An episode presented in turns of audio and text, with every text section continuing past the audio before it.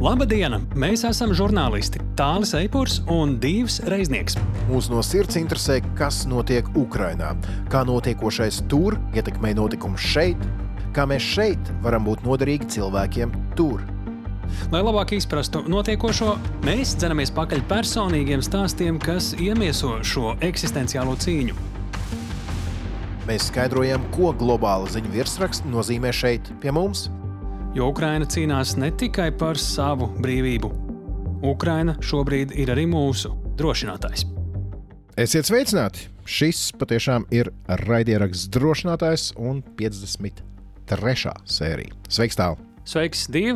Divi tas, kurš reiznieks, tāls tas, kurš eipurs un klausītāji, tie, kas klausītāji. Mēs zinām, ka jūsu ir daudz un ka jums ir svarīgi vismaz reizi nedēļā dzirdēt kaut ko piesātinātu, kaut ko informācijas bagātu par karu Ukrajinā, un mēs to cenšamies arī jums dot, cik nu spējam. Ziemassvētku nedēļa tēlu. Es jau tevi priekšlaicīgi sveikšu Ziemassvētkos, mūsu klausītājs Ziemassvētkos, un arī šis izlaidums būs mums tādā Ziemassvētku noskaņā. Jā, paies Ziemassvētku noskaņās, runājot gan par to, kad īsti vispār Ukrajinā ir svinami Ziemassvētki, un runāsim arī par dāvanām bērniem, un par to, kā bērniem paiet šādi svētki frontē, vienalga, kurā datumā tos arī svinētu, vai jauno gadu svinētu kāds.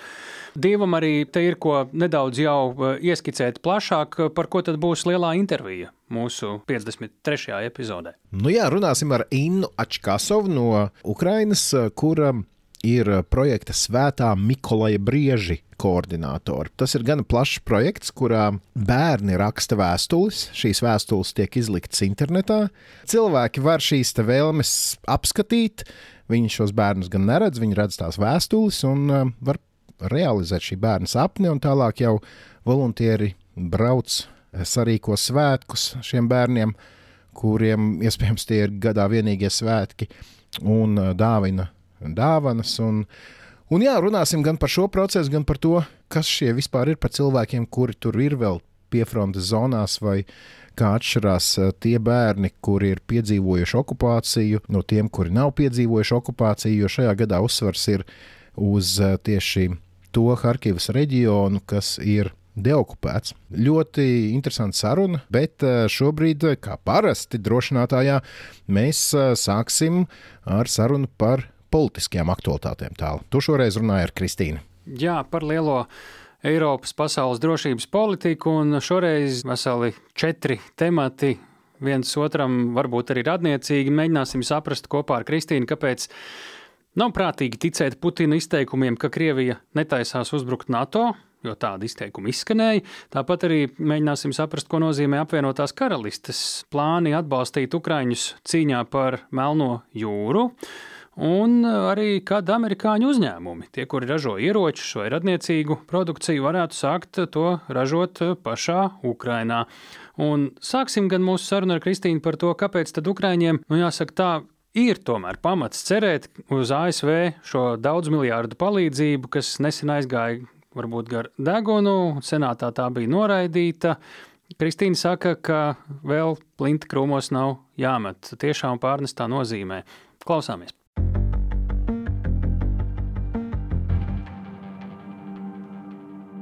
Sveiki, Kristīne! Sveiki, sveiki! Nu, pēc iepriekšējo nedēļu, jāsaka, es pat teiktu, traģiskajām ziņām par atbalstu Ukrainai finansiālo gan no Vašingtonas, gan no Brīseles, mēs mēģinām skatīties tagad uz priekšu, kas pēc tā visa notiek tālāk, un tā kā tu mums esi Vašingtonā, prasīsim par Ameriku.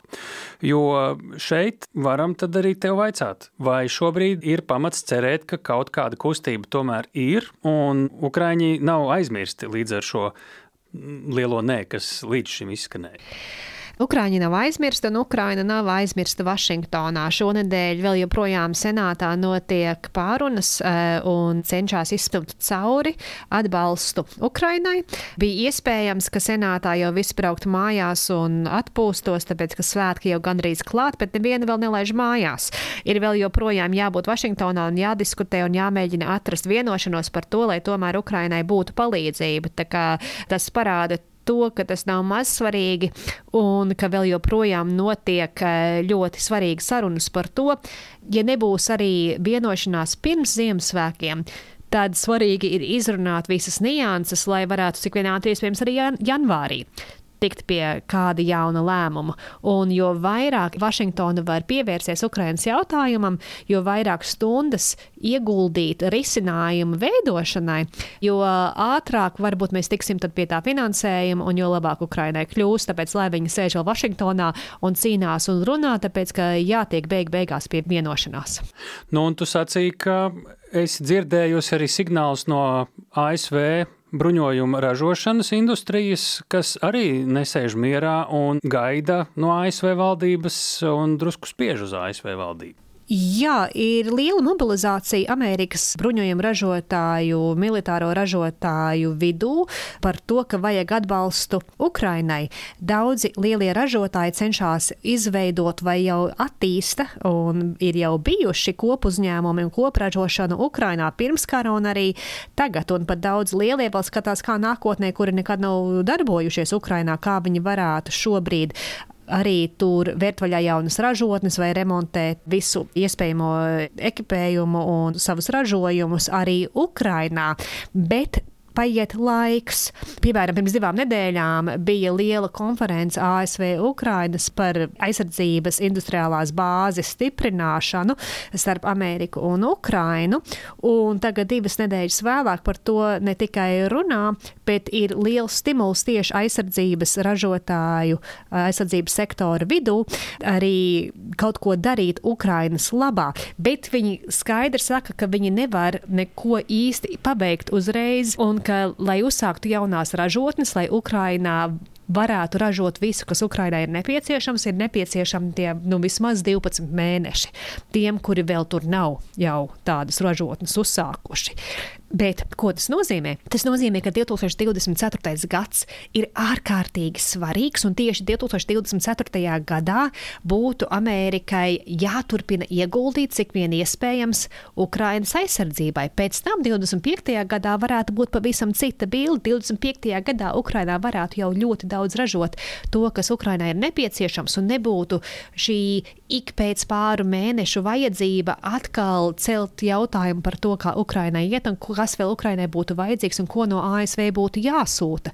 Bet līdz tam 25. gadam ir jānokļūst. Tāpēc, jā, es redzu ļoti, ka ir spiediens Vašingtonā tam, ka tomēr nākošais gads ir noteicošs, izšķirošs un ka nevar šajā momentā piekāpties un nogurt un pateikt, nu, neizdevās, viss ejam gulēt.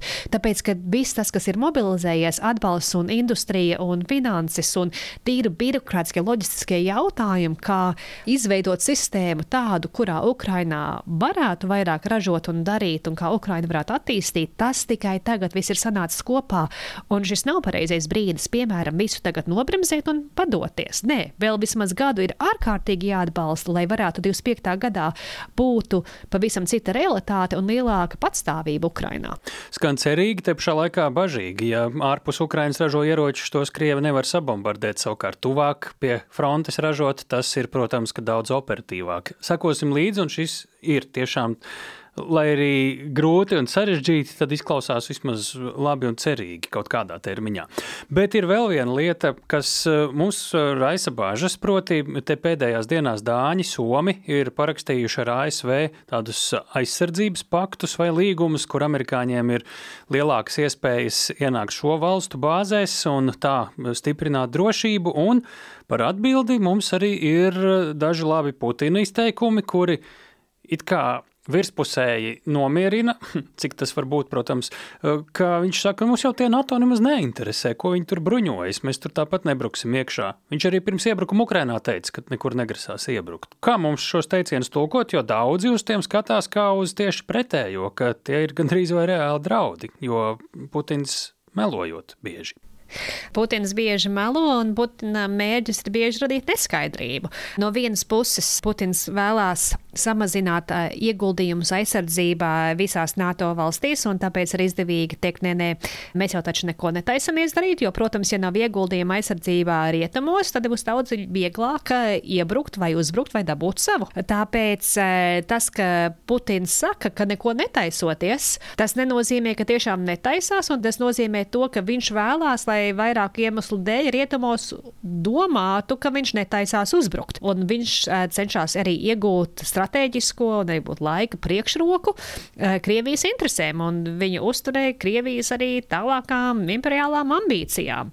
Tas nozīmē, ka pilnīgi nevar ņemt nopietni vai arī uzticēties katram viņa vārdam. Varbūt tas nozīmē, ka šodien viņš taisās to darīt, bet tas nenozīmē, ka viņš nākotnē netaisītos to darīt. Bet principā svarīgākais ir tas, ka viņa interesēs ir, ir piemēram, Somijas gadījumā radīt neapmierinātību sabiedrības līmenī ar valdību, kur pietuvinās Amerikai dažādi, kur eh, tagad ir NATO dalība valsts, ar kuru tagad ir militārā arī vienošanās par bāzēm. Putina mērķis ir parādīt sabiedrībai to, ka tas nemaz nebūtu nepieciešams, ka šīs ir nevajadzīgas un iespējams pat kļūdaini jauni lēmumi, ko valdība pieņem, un ka viss jau būs labi un nemaz to nevajadzēja izdarīt. Un tas rada nesaskaņas vai arī spiedienu valstī iekšēji, kas, protams, arī Putinam tam tiešām nāk tikai par labu. Jo, ja valsts nav sagatavojusies, tad to valsti ir daudz vieglāk arī manipulēt. Tālūk, ja ir bažas par šiem lēmumiem, ja ir bažas par Putina retoriku, tad tās bažas ir vietā. Tāpēc, ka vienmēr ir jābūt ar atvērtām acīm un atvērtām ausīm par to, kas notiek robežas otrā pusē. Un būt bažīgiem nozīmē būt gataviem, nozīmē būt drošiem. Un tāpēc eh, panikai, protams, nav vieta. Šis nav pēkšņi kaut kāds lēmums, ka eh, Krievija baigi tagad mainīja savu ilgtermiņa ārpolitiku, un tikai jāturpina tāpat, kā esam darījuši, vēl uz priekšu. Un vēl viena lieta. Izskatās, ka Ukrāņi pavisam drīz vienosies ar apvienoto karalisti, ka apvienotā karaliste izmantos savu jūras kara flotes pieredzi, lai palīdzētu Ukrāņiem kontrolēt Melno jūru. Ko šī gaidāmā vienošanās var nozīmēt un kā šis signāls, kurš jau tagad tiek dots, ir tulkojams? Ja skatās, kas ir bijis lielākais Ukraiņas veiksmes stāsts pēdējā pusgadā, bet varbūt arī visā šajā gadā, nozīmīgākā lieta bija tā, ka Ukraiņai ir izdevies atbrīvot Melno jūru saviem kuģiem, nodrošināt savu jūras teritoriju, veikt eksportu ar graudiem, ar, ar saulespoķeļu, citām nepieciešamām lietām. Par spīti tam, ka Krievijas milzīgā jūras flote ir tur bijusi un ka pirms gada vai pusotra nemaz nebija tāds jautājums, ka varētu kaut kā to Krievijas karaflotu ierobežot. Un ir ļoti izdevies Ukrainai aizbaidīt to kara floti kaut kur citur, un kur spekulācija par to varbūt nākotnē bāzes būs Abhāzijā. Ja? Nu, tas ir stipri aizstumts prom no Ukrainas robežām. Un Ukrainā, protams, par to priecājās un starptautiski to ārkārtīgi novērtē. Te lūk būs lēmums no Lielbritānijas puses apvienotās karalistes turpināt ar jūras spēkiem atbalstīt, turpināt nodrošināt uh, Ukrainas, bet arī NATO dalību valstu lomu Melnajā jūrā. Tas ir ārkārtīgi nozīmīgi, jo tas nodrošinās un nākotnē nostiprinās tos ieguvumus, kurus mēs esam redzējuši šajā gadā Ukrainā. Laba ziņa uz desmit gadiem uz priekšu mums, Ukrāņiem, un uh, pamatīgs uh, mājiens ar mietu Krieviem, lai pat nerēķinās, ka varētu kaut ko sākt atgūt. Paldies, Kristīne! Šai nedēļai tas pats svarīgākais, un mēs tiekamies atkal nākamajā epizodē. Mēs tiekamies nākamajā epizodē, bet es vēlos arī visiem novēlēt priecīgu Ziemassvētkus un sadzirdēšanos. Cik jauki no tevis, Kristīna. Šādi novēlējumi raidierakstā par karu Ukrainā ir kā tāda laba atkāpe, kur noteikti nedrīkst aizmirst. Un, Kristīna, lai arī tev ir cik vien iespējams mierīgs nākamais gads, un mēs pavisam noteikti visi kopā turēsim mīkšķus, lai tas piepildās mums visiem. Jā, visiem kopā, īpaši Ukrainai. Par nākamo gadu mēs vēl runāsim eh, daudz un dikti. Radioraksts drošinātājs arī turpinās skanēt, kamēr netiksim pie uzvaras. Paldies un līdz nākamajai reizei, Kristīne. Līdz nākamajai reizei.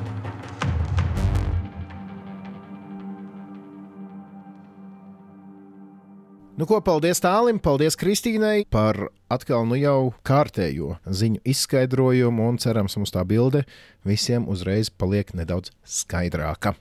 Bet tu jau sākumā teici, ka šis ir mūsu Ziemassvētku izlaidums, lai arī daudz to varbūt klausīsies jau pēc svētku vakara vai pēc Ziemassvētkiem. Tas nekas, mēs izskaidrosim lietas tā, lai arī pēc Ziemassvētkiem tās būtu interesantas. Un man pirmā saskare ar to, kā Ukrainā svin vai nesvin un kā mainās Ziemassvētku svinēšanas tradīcija.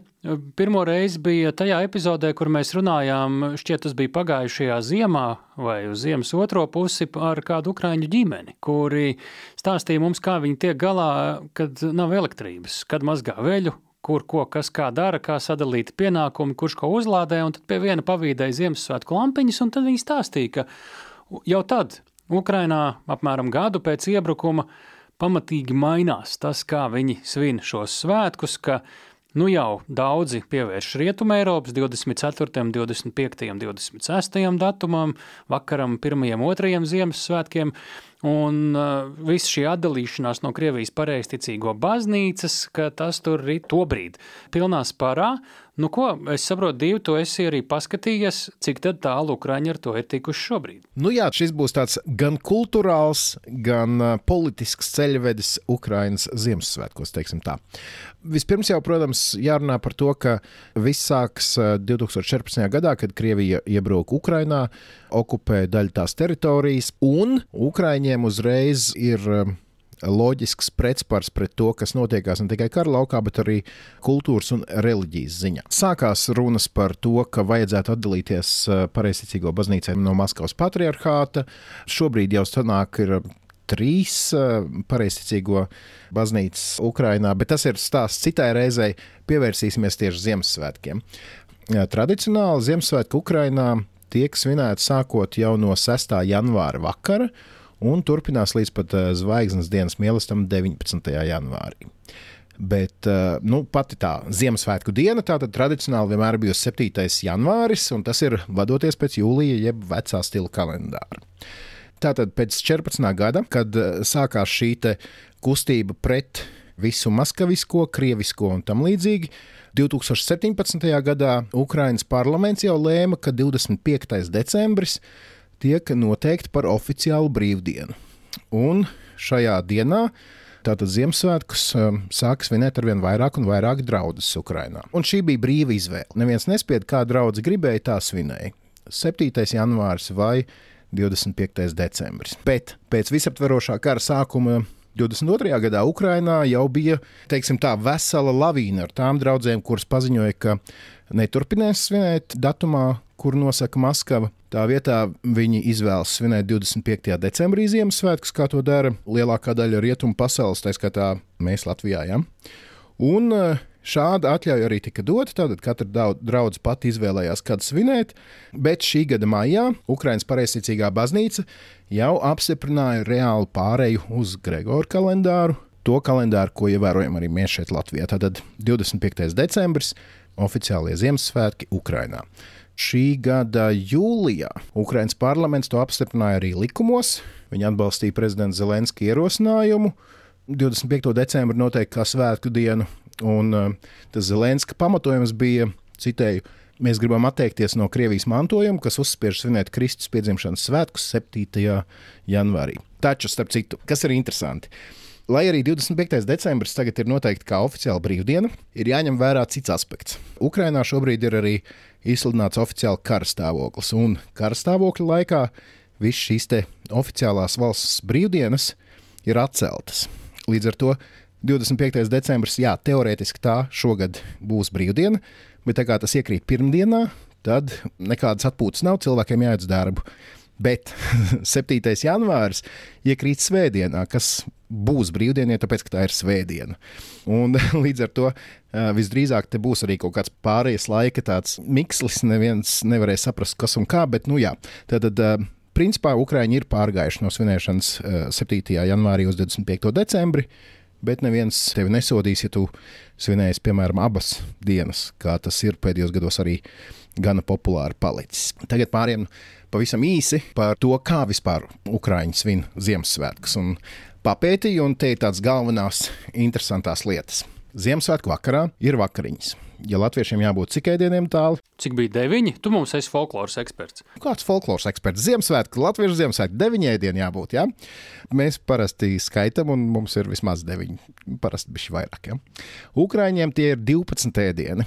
Un tie simbolizē 12 apstuļus pēdējā vakarēdienā. Pie tam šie ēdieni nedrīkst saturēt gaļas un piena produktus. Pie galda var sēsties tikai tad, kad ir debesīs parādījusies pirmā zvaigzne. Vakara galvenais ēdiens ir kuķa.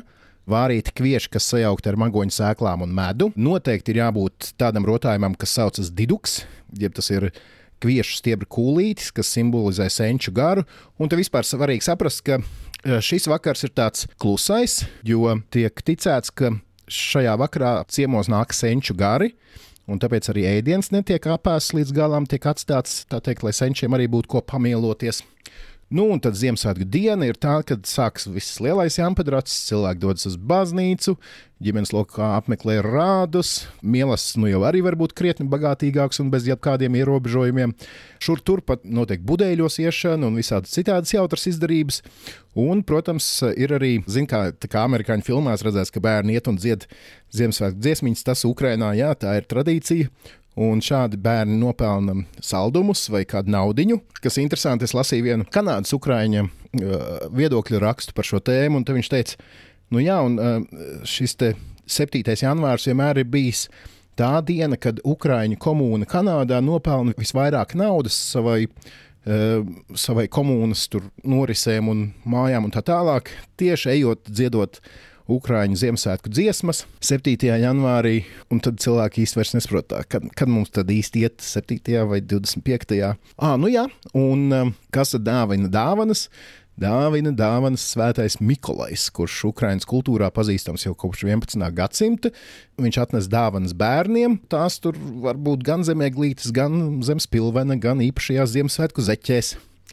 Svētais Mikolais ir nabaga un bērnu aizbildnis, un Svētais Mikolais būs arī viens no pastarpinātiem mūsu lielās intervijas varoņiem, jo mums būs saruna ar projekta Svētā Mikolaja brieži koordinātoru Innu Ačkāsalu. Jā, sarunā tiešām arī viņi izstāstīs savu versiju par to, kas ir Svētais Mikolais un kur Ukrainā ir pazudis tas, ko mēs zinām, kā agrāk eh, sauc salatētis vai ģedmaroz, kas ir Krievu tradīcija, par Salavecis. to vairāk būs salavecis, salatēvs, kā nu mēs te viņu nesaucām kādreiz, kurš arī mums jau par laimi ir sen pazudis. Te kas ir jāpasaka, ka šī intervija notiek Krievu valodā. Ja vēlaties dzirdēt, ko oriģinālā Inača Kasova saka, tad tepat blakus, kur jūs klausāties šo epizodi, ir jābūt arī otrai epizodei, kura ir oriģināla valodā, bet ja jūs vēlaties to dzirdēt ar tulkojumu latviešu valodā, tad tepat vien palieciet un klausieties šo sarunu. Klausāmies!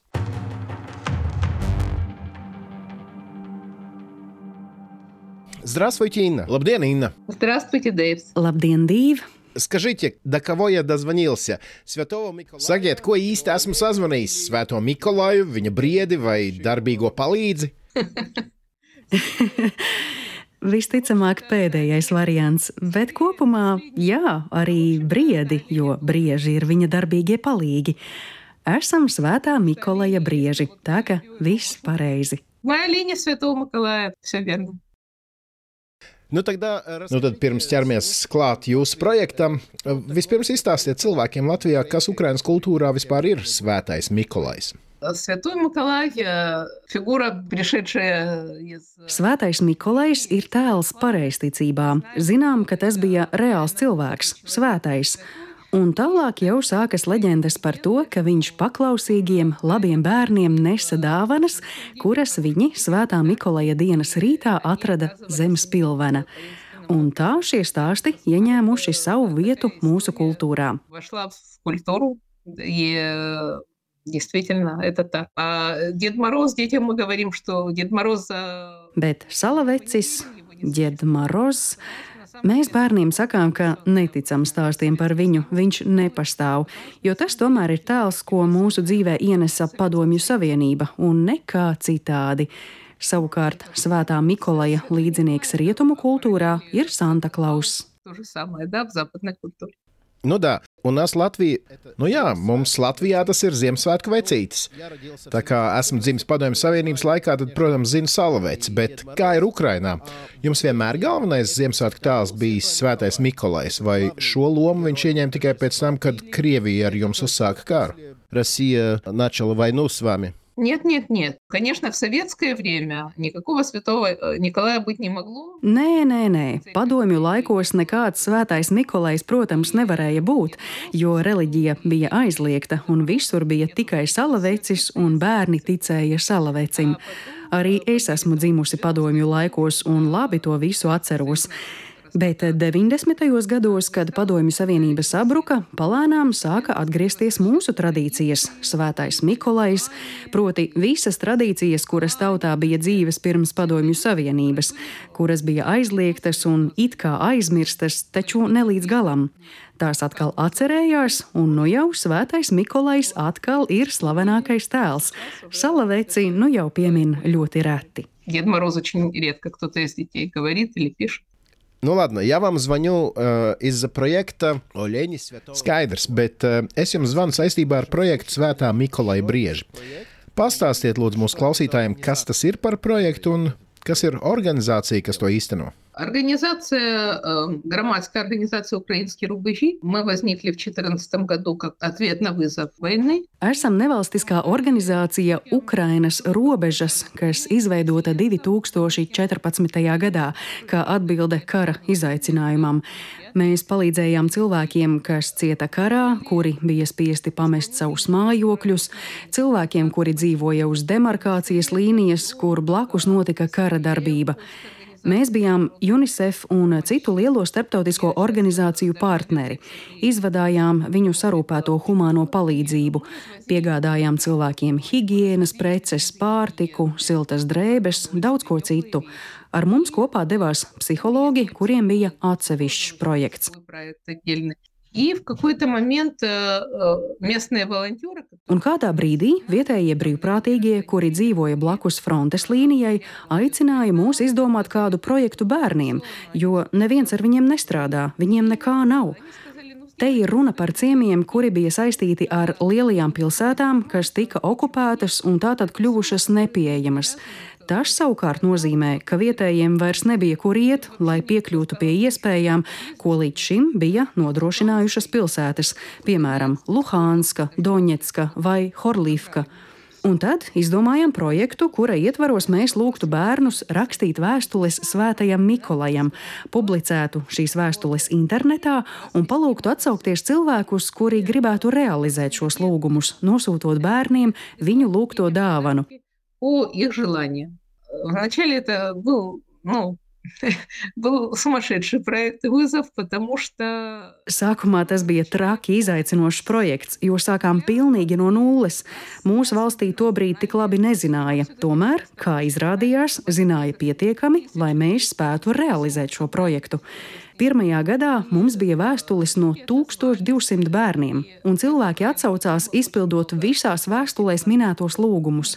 Mēs toreiz visvairāk laika tērējām, lai iegūtu rezonanci sabiedrībā, lai par mūsu ieceri cilvēki uzzinātu. Publicējām neskaitāmus ierakstus sociālajos tīklos. Un, kad jau sākām šīs dāvanas izvadāt, un bērni saņēma tieši to, ko bija lūguši savās vēstulēs, Piemēram, bērns lūdz LEGO un arī saņem LEGO, lūdz ģitāru un saņem ģitāru. Tas šajos ciemos bija kā pilnīgs brīnums. Taču bez tā mēs pie viņiem rīkojām arī svētkus. Tās bija interaktīvas izklaides, kuras kopā salikām ar mūsu psihologiem, lai viss strādātu kā nākas. Un tā nu mēs braucām gar frontes līniju, taisījām svētkus un dāvinājām dāvanas un tā mēs darbojāmies sešus gadus. Katru gadu vēstuļu skaits palielinās, taču arī mūsu atpazīstamība palielinās, kas nozīmē, ka krietni ātrāk izdodas apgūt visu bērnu vēstules. Сделать так, чтобы их разобрали, потому что люди, которые их брали, мы их называем черемныки. Cilvēkus, kuri piesakās izpildīt konkrēta bērna lūgumu, mēs saucam par brīnumdariem. Un šie brīnumdari, izbaudījuši procesu vienu gadu, nākamajā jau paši vaicā: Nu ko, kad būs vēstules, vai šogad arī rīkosiet šo akciju? Viņi jau to gaida. Kad sākās pilna mēroga iebrukums, tās apdzīvotās vietas, uz kurām parasti braucām, pārsvarā tika uzreiz okupētas, vai arī, ja izrādīja pretestību, tad Krievija tās pilnībā nopostīja. Jo, kā jau teicu, tās bija vietas pie pašas frontes līnijas - Bahmuta, ciemi pie Avdijivkas. Села под Авдеевкой, например. Tam вы тоже везли. Tur arī iepriekš bijāt braukuši, jā? Ja? Ну да, мы туда ездили, но Сейчас это невозможно. Nu, jā, mēs iepriekš devāmies uz turieni, bet tagad tas nav iespējams. Tagad tur nav palicis ne bērnu, ne ēku. Piemēram, pie Avdijivkas bija tāds ciems Lastačkina, kur cilvēki saviem spēkiem bija izveidojuši klubu bērniem. Viņi ļoti daudz un labi strādāja ar bērniem. Atbraucot, to parasti ļoti ātri var saprast, vai šajā konkrētajā vietā strādā ar bērniem vai nestrādā. Pēc tā, kā viņi reaģē uz atbraucējiem, pēc tā, kā viņi raksta vēstules, to var sajust. Nu tad lūk, tajā Lastačkinē strādāja ar bērniem, uztaisīja kluba māju, ierīkoja rīkoja apkuri, ļoti lepojās ar paveikto, taču tagad no kluba pāri palikušas vien drupas. Nav vairāk nekā. И вот сейчас это просто развалено. Все, нету. Вот. И мы в прошлом году Pagājušajā gadā, pirms projekta sākuma, īsti nesapratām, kur mums braukt, kā sameklēt bērnus. Bet tad mums sāka rakstīt mūsu brīnumdari, sakot, ka viņi palīdzēs arī šajā projekta posmā. Atradīsim vietas, kur vest dāvanas, jo piefrontes zonu pametušās ģimenes bija izkaisītas kur nu kurā. Tas viss kulminējās tiešām grandiozā braucienā pa visu valsti. Šķiet, bijām pilnīgi visos valsts reģionos, izņemot laikam tikai Odesu. Nobrauktā kilometrāža bija mežonīga, un tas bija tiešām ļoti nogurdinoši, taču atradām bērnus.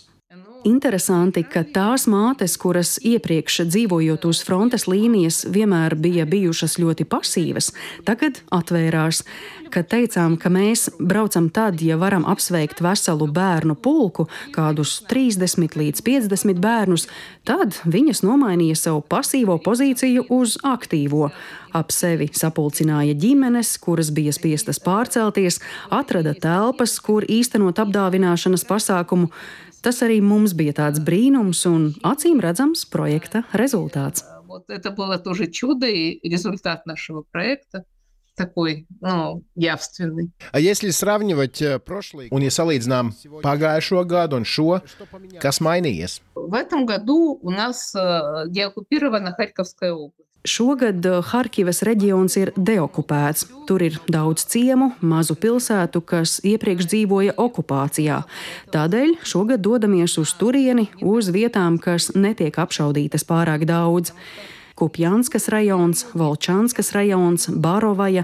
Tās ir vietas, kuras šobrīd intensīvi apšauda. Tādēļ aizbraukt tur un sarīkot svētkus mēs tomēr nevaram. Pirmkārt, no turienes piespiedu kārtā evakuēja bērnus. Otrakārt, tas bērniem būtu vienkārši bīstami. Taču ir izjuma, ciemi ap izjumu, Čugujevas rajons un daudzi deokupēti ciemi tur.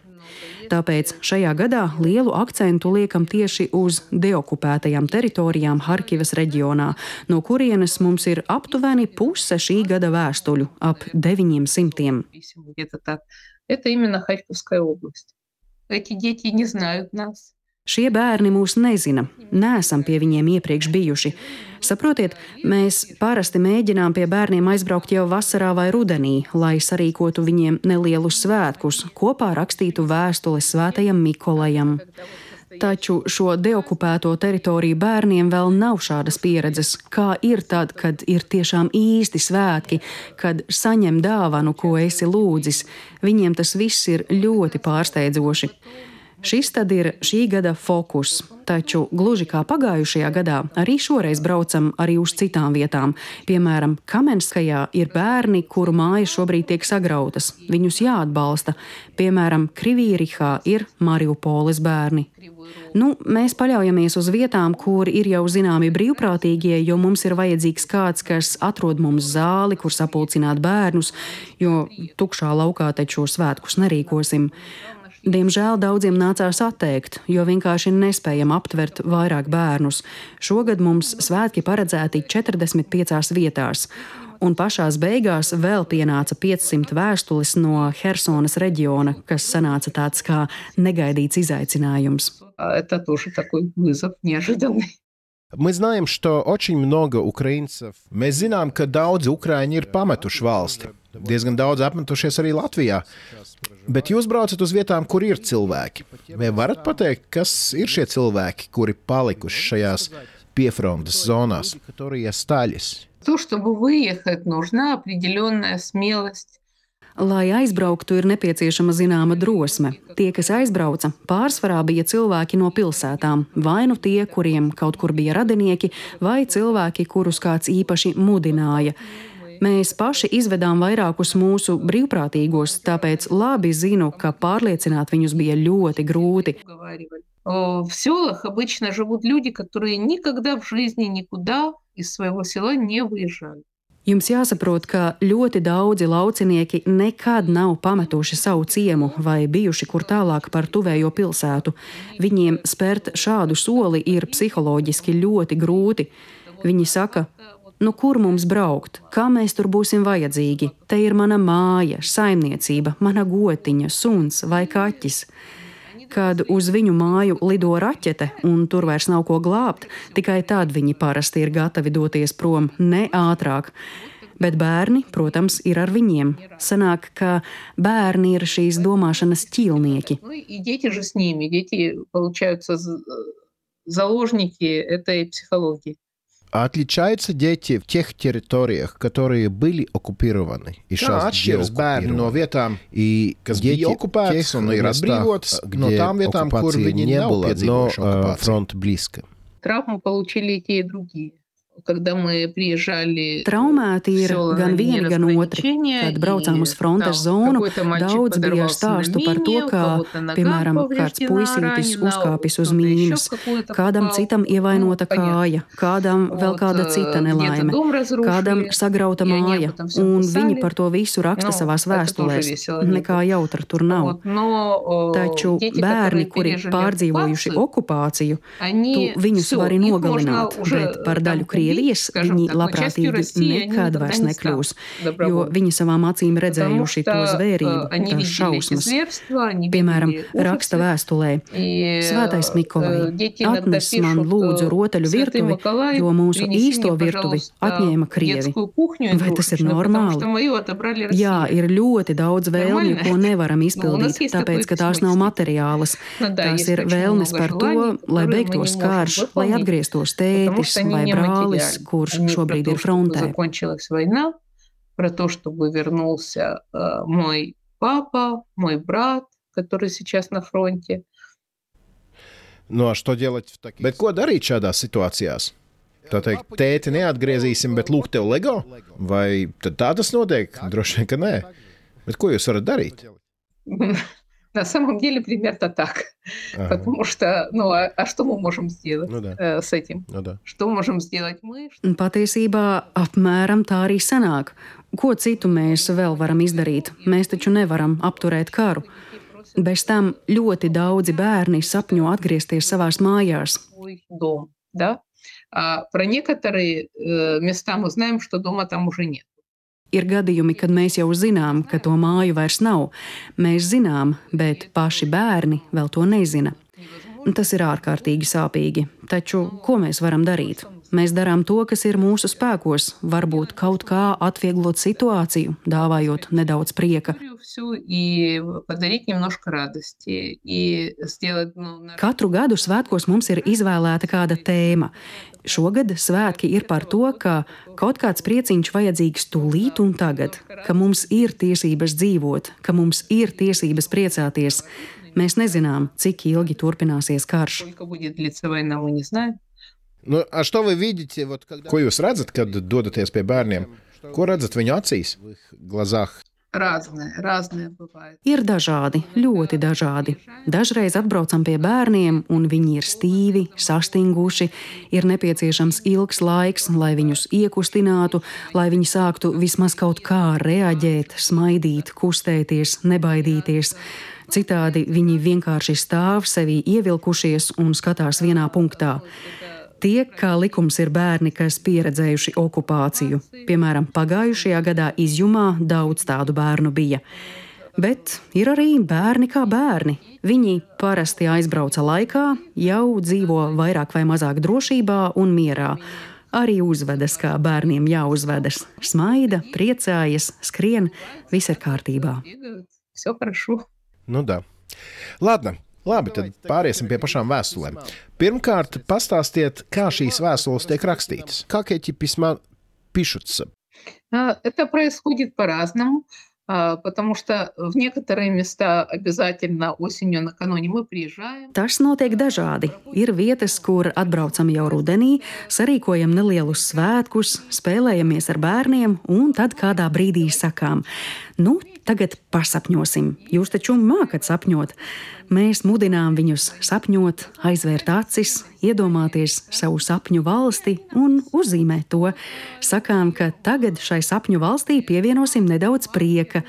Var teikt, ka šādā sadarbībā notiek vēstules radīšana, kurā aicinām ierakstīt arī savu vēlēšanos. Tā notiek, kad esam iesaistīti mēs, bet, ja saņemam lūgumu dalībai šajā projektā no kādas vietas, kur nevaram aizbraukt, tad sakām, lai sapulcina bērnus kopā, kopā lai pasapņo un uzraksta vēstuli svētajam Mikolajam. Un tā tās vēstules sūta mums. Объем какой? Cik daudz to vēstuļu ir? Объем сейчас около 2000 у нас детей.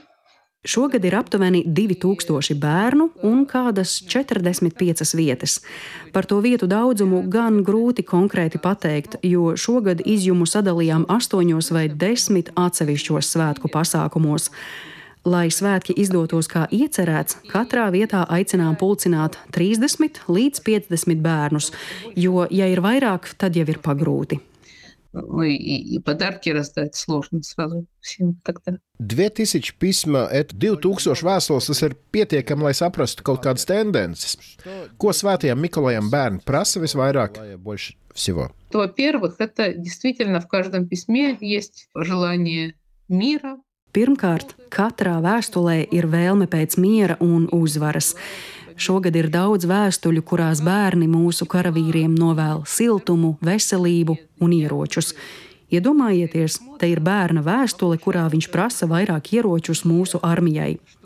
Tāpat vēstulēs ir lūgumi, lai mājās atgrieztos tētis, brālis vai pat mamma, kura ir vai nu frontē, vai atrodas kaut kur tālu. Ir arī vairākas vēstules, kurās ir cerība, ka kāds no radiniekiem atgriezīsies no gūsta. Ir bērni, kuri prasa nevis kaut ko sev, bet gan dronu armijai, un šīs vēlmes ir izpildītas. В Изюме два мальчика написали, что ну, среди прочего, чего они там хотели, они написали дрова. Izjumā, piemēram, divi puiši atrakstīja vēstuli, kurā starp citām lietām bija ierakstīta arī malka, jo ir problēmas ar apkurināšanu. Malkas nav, mašīna maksā kādus 15,000, kas nabadzīgai ģimenei nav paceļama summa.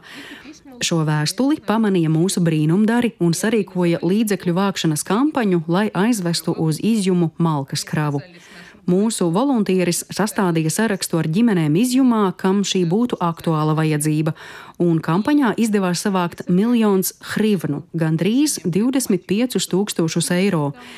Šīs malkas kravas tiešām arī tika aizvestas uz izjumu, un nu, siltums šodien būs ne tikai abu puišu mājoklī, bet vēl daudzās citās līdzīgās ģimenēs. Lūk, šie ir īsti brīnumi, kad realizējas lietas, par kurām pat iedomāties nevarēja.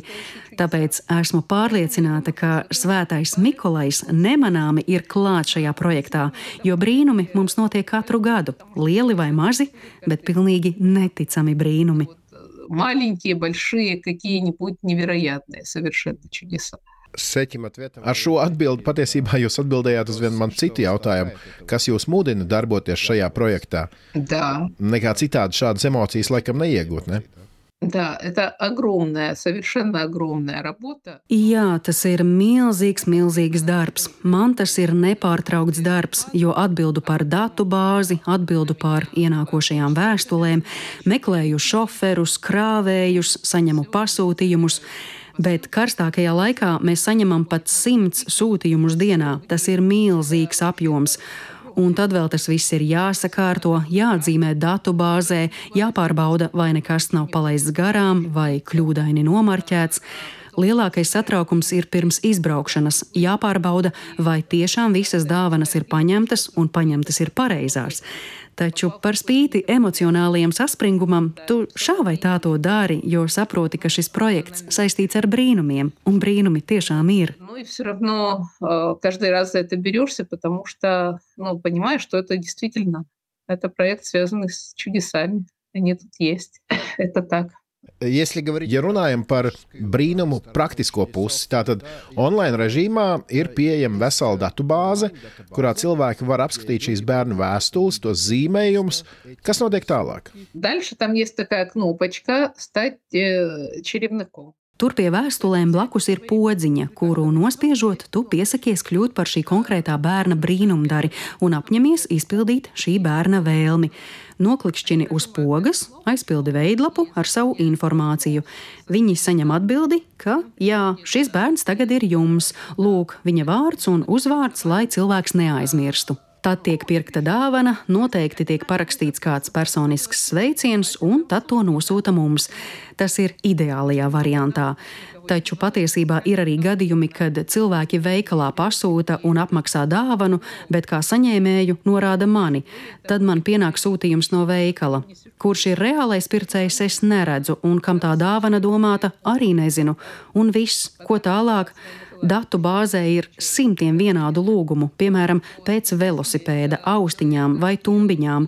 Ir arī bērni, kuri raksta, gribu pārsteigumu, un, ja dāvana sagādātājs nav norādījis nekādu informāciju, kam tā domāta, Puzle вам получается. Tad sanāk jums tāda kā puzle jāatrisina. Ну да, такого немного. Nu jā, šādu gadījumu nav daudz, bet ir. Tad atliek tik gaidīt un cerēt, ka cilvēks atcerēsies.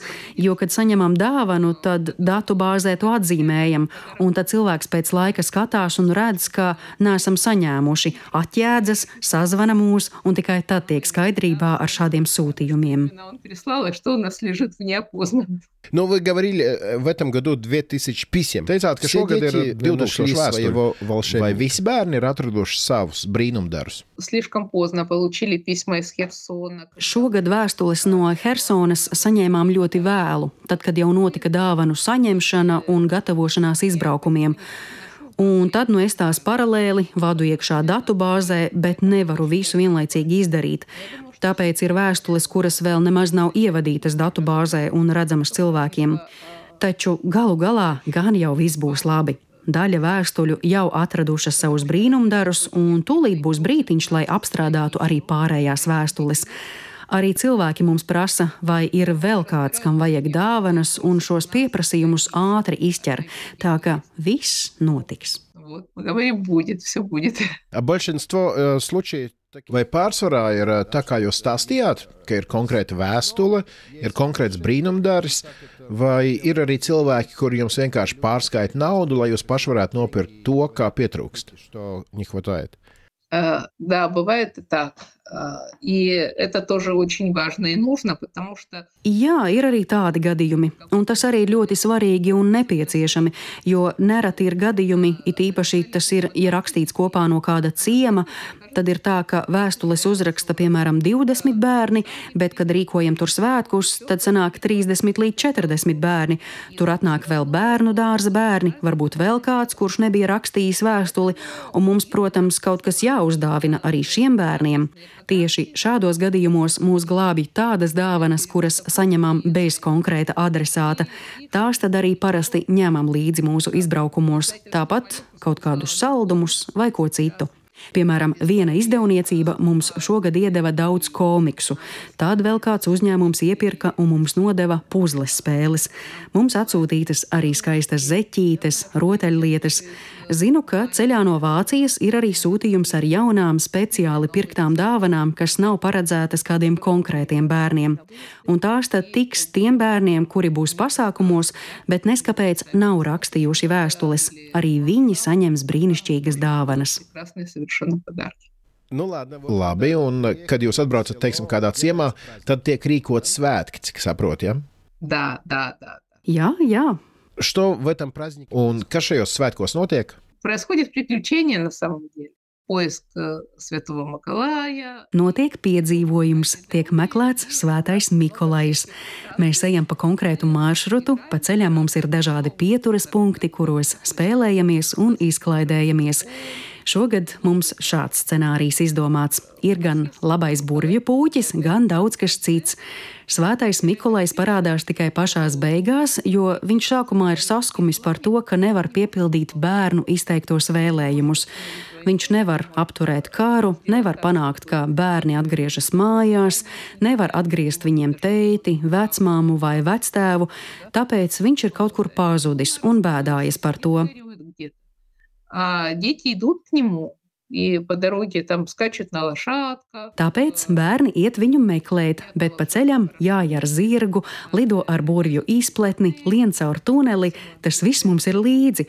Beigu beigās bērni tomēr atrod svēto Mikolaju, kurš saprot, ka tomēr jāuzdāvina bērniem dāvanas, ja jau viņi to atraduši. Bērnu prieks uzlabo omu arī pašam Mikolajam. Радовались, и его настроение уже изменилось. Tad viņš katram bērnam uzdāvina viņa vēlēto dāvanu un nofotografējas ar bērnu. Foto taisām obligāti, jo tā pēc tam kalpo arī kā atgriezeniskā saikne ar mūsu brīnumdariem, kuri var redzēt, ka dāvana nonākusi pie konkrētā bērna, un tad viņi arī pirmo reizi ierauga bērnu, kam ar mīlestību gatavojuši to dāvanu, rakstījuši vēstuli. Ребенка, которому они с любовью. Gribu uzsvērt, ka šo svētku mērķis ir atgriezt bērniem bērnību. Bērnība nevar pagaidīt, kamēr beigsies karš. Tā notiek te un tagad. Un šiem bērniem vienkārši jāiedod gabaliņu normālas bērnības. To tad arī cenšamies izdarīt ar mūsu rīkotajiem svētkiem. Оно происходит здесь и сейчас, и надо им просто дать кусочек нормального детства. Вот это мы хотим сделать нашими праздниками. Я посмотрел в вашем Фейсбуке э, и увидел интересную вещь. Jūs Facebook lapā pamanīja kādu interesantu lietu. Pagājušajā gadā Svētais Mikulais jūsu svētkos bija tērpies sarkanā metālī. Šogad tas jau ir zilā krāsā. Tā ir vienkārši tāda sagadīšanās, vai tomēr nē? Это такое совпадение или, или нет? Нет, это не совпадение. Но просто у нас был первый костюм, нам прислали из Нидерландов. Nē, tā nav nejaušība. Pirmais kostīms, kas mums bija, to kaut kad tikām saņēmuši kā dāvanu no Nīderlandes. Taču tā kā vairāki cilvēki, it īpaši rietumu Ukrainā, kuri pret šo visu ļoti nopietni attiecas, mums sacīja, nu kā tad tā, svētais Mikolais tak tērpjas zilā krāsā. Tad nu sākām meklēt zilu mēteli un tādu arī atradām. Mēs tiešām gribētu asociēties ar svēto Mikolaju, nevis salaveci. Tā kā jā, šī ir bijusi apzināta izmaiņa. Так что да, это осознанно.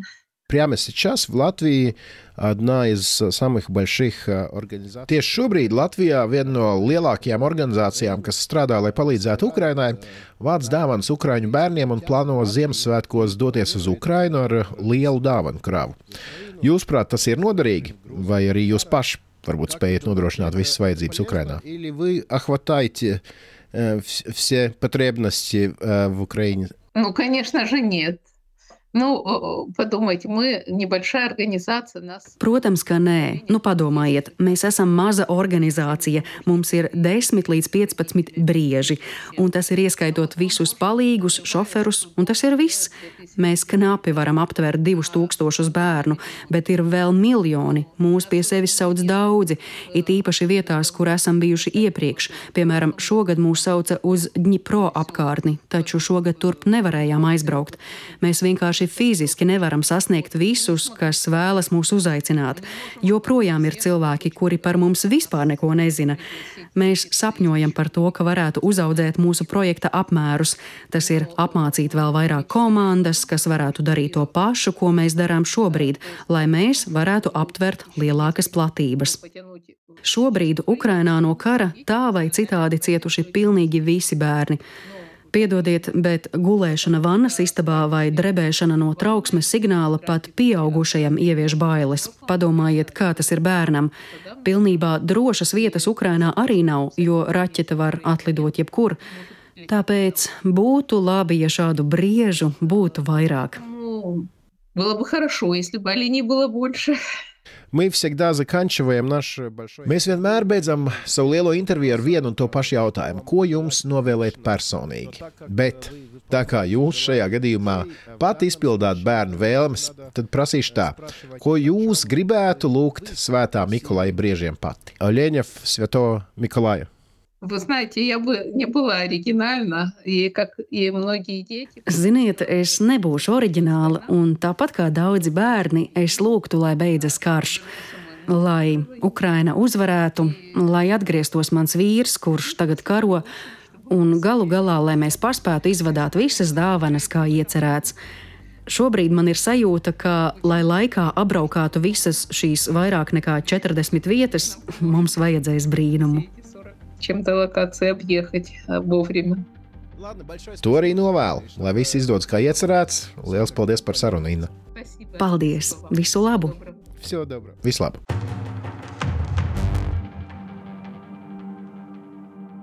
Paldies, Dīva! Ļoti svarīga saruna, lai mēs saprastu ne tikai Ukrāņu Ziemassvētku un jaunā gada un šī laika tradīcijas, bet arī lai mēs saprastu, cik skarbi, skumji, vēl visādiem līdzīgiem vārdiem aprakstām situācija ir ļoti, ļoti daudziem bērniem šobrīd Ukrainā, īpaši piefrontē.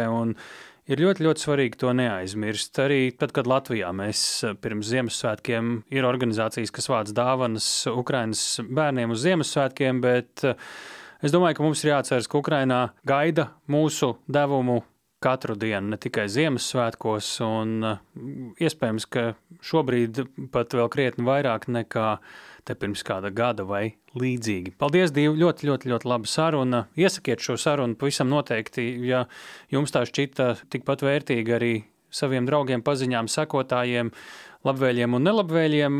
Iesakiet to pārpostojot vai pārpublicējot savos sociālajos tīklos, vai vismaz ielieciet to īkšķīti, sirsniņu vai plusiņu, kā nu kurā vietā. Un Vai tev divi vēl ir kāds pēckomentārs tam visam? Jo tev, es jūtu, ka tev jau elpa velkas. Ir gadi, jā.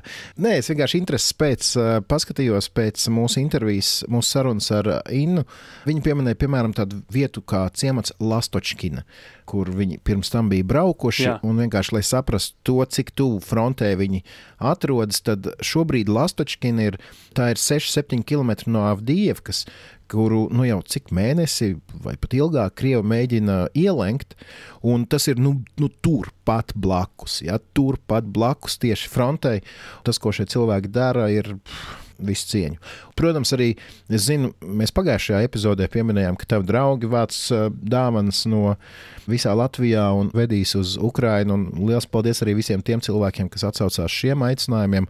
Kā dzirdējām, dāvana nekad nevar būt par daudz, un to bērnu ir miljoniem.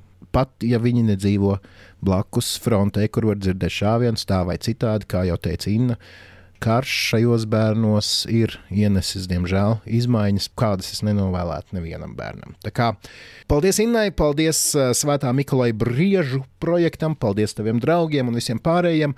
Protams, šogad mēs vairs Svētā Mikolai Briežu projektā iesaistīties kā atbalstītāji nevaram, bet uh, piefiksējiet uh, šīs saites, noteikti padalīsimies.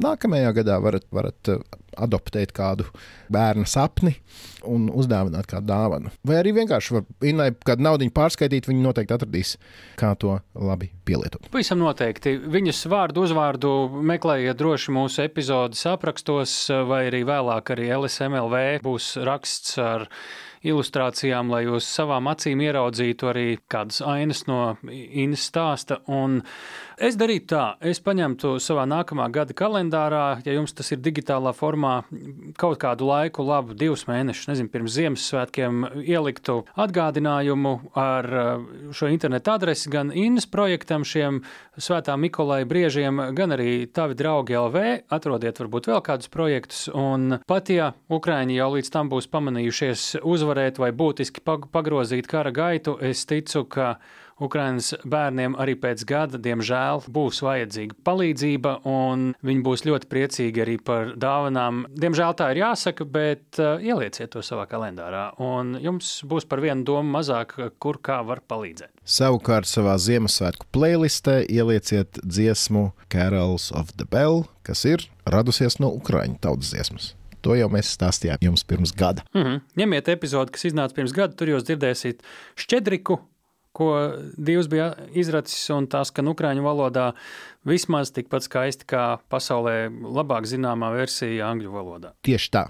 Un ar to mēs arī eh, šķiet esam izsmēluši visu to, ko mēs gribējām pateikt. Šajā epizodē jā, bet eh, nākamajā epizodē mums atkal būs jauni stāsti. Un Divi atgādina, kas ir jāatceras katram drošinātāju klausītājam. Katram drošinātāju klausītājam ir jāatceras, ka ceturtdienās mēs izlaižam jaunu epizodi. Un atcerieties, drošinātājs tas ir skaidri un personīgi par karu Ukrajinā.